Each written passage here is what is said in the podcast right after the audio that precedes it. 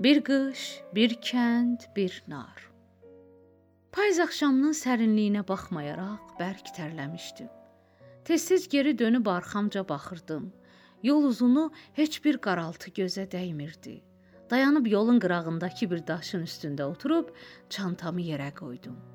Yorğunluqdan anamın dalınca deyinirdim. Rəhmətliyin qızı əlinə gələni doldurub çantaya, İnsafən yaycılı çayxanasında qəhvəçi mənə təklif etdi ki, ay qardaş, sakini qoy burada qalsın, verirəm gümüş avallar gətirərkən də. Mənsə onun təklifinə razı olmayıb, bunun nəyi var ki, apararam dedim. Doğrusu maşından düşüb çayxanaya girəndə çanta nəzərimə çox yüngül gəldi. Ancaq yaycılı yoxuşunu çıxdıqca, şo qərib get-bə-get ağırlaşırdı. Beləcə bir saat yol getməmiş yorulub qaldım. Biraz tövşəyimi dərdikdən sonra ayağa qalxıb çantanı götürüb yola düşdüm.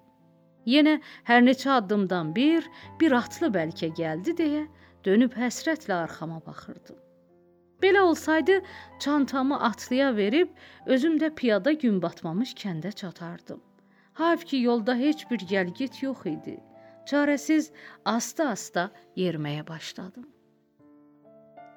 Gümüşovaya çatanda küçələrdə mal-heyvan səsindən qulaq tutulurdu.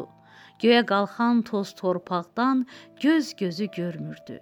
Əllərdə olan fanusların işığını toz torpaq duman kimi bürümüşdü. Qıçlarım yorğunluqdan sürünsə də, gücümü toplayıb bərəkətli olsun deyə ucadan səsləndim. Heyvanların arasındakı bir gənc oğlan məni səsimdən tanıyıb, fanus əlində mənə yaxınlaşdı. Yorulmayasan Mirzə deyə çantamı əlimdən aldı. Sonra artırdı. "Əy, xəbər verəydin gələydik qabağına dayna." "Çox sağ ol Əhəd, özüm yavaş-yavaş gəldim" dedim. Əhəd fanusun solğun işığını ayağımın altına sala-sala məni aparıb mənzilimin qapısına çatdırdı. Qapını çalanda qızqayıt nənə qapını açıb, əlindəki qulluqçunu yuxarı qalxızıb işığını üzümə saldı. Məni görcək buyur buyur deyə dalı çəkildi. Mənsə salam verib kişisinin halını soruşub içəri girdim. 3-4 palçıq pilləni yuxarı qalxıb mənzilimə çatdım. Taxçadan kibriti götürüb əvvəl fanısı, sonra tor çırağını yandırdım. Tor çırağının işığı otağımın pəncərəsindən çıxıb, zil qaranlığı yara-yara düz kəndin o başına qədər uzanıb getdi. Otağımın qapısı çalınanda mən ayağa durunca qızqayıt nənə əlindəki sinini astanaya qoyub geri qayıtdı. O siniyə bir-iki əl çörəyi, bir piyala qatıq, bir qaçda pənir qoymuşdu. Qatıq çörəkdən bir-iki tikə yeyib sakımı boşaltmağa başladım. Doğrudan da anam əlinə gələni çantama doldurmuşdu. Meyvə də deyəndə 5-10 dana alma, bir neçə xiyar, bir təkcə danadan nar çantamdan çıxdı. Xiyarlarla almaların yarısını sinəyə yığıb qızqayıt nənəyə apardım. Meyvələrin qalanları ilə də gecə görüşə gələn qonaqları yola saldım. Təkcə narı qışda gərəyim olar deyə çəmədana qoyub saxladım. Axı ötən qış bir nasazın baxmağına gedəndə kəndə heç nə tapanmayıb Xonaxamla birlikdə bir ovuc ərik çərdəy aparmışdıq. Hələ də bu işin acısı canımdan çıxmamışdı.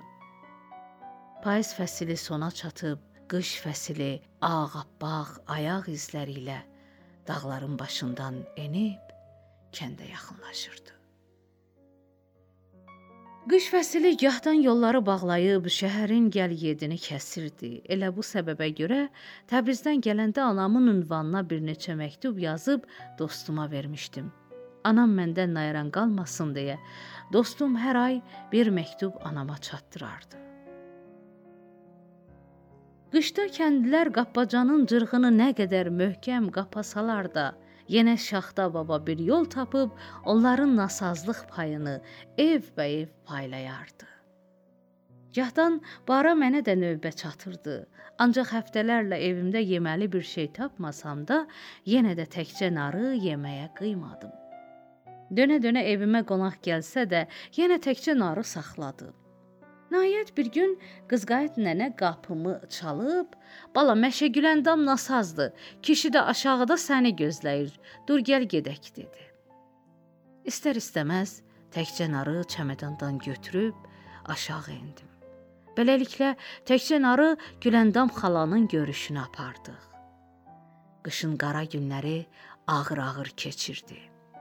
Yenə bir gün nənə ilə qızılca tutmuş bir şagirdimin görüşünə getdik. Mənim bir zada gümanım gəlmirdi. Qızqayıt nənə sandığından 3 yumurta götürdü.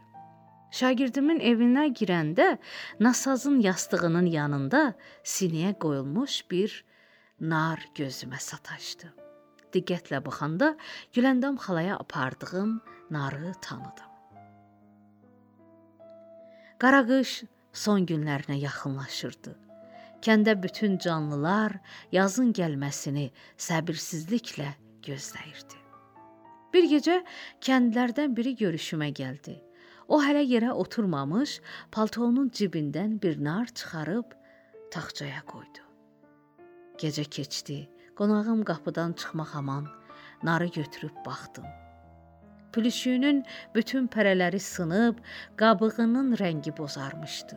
Demək, qış fəslini, bütün kəndi əldən ələ dolanmış təkcə narım özümə qayıtmışdı.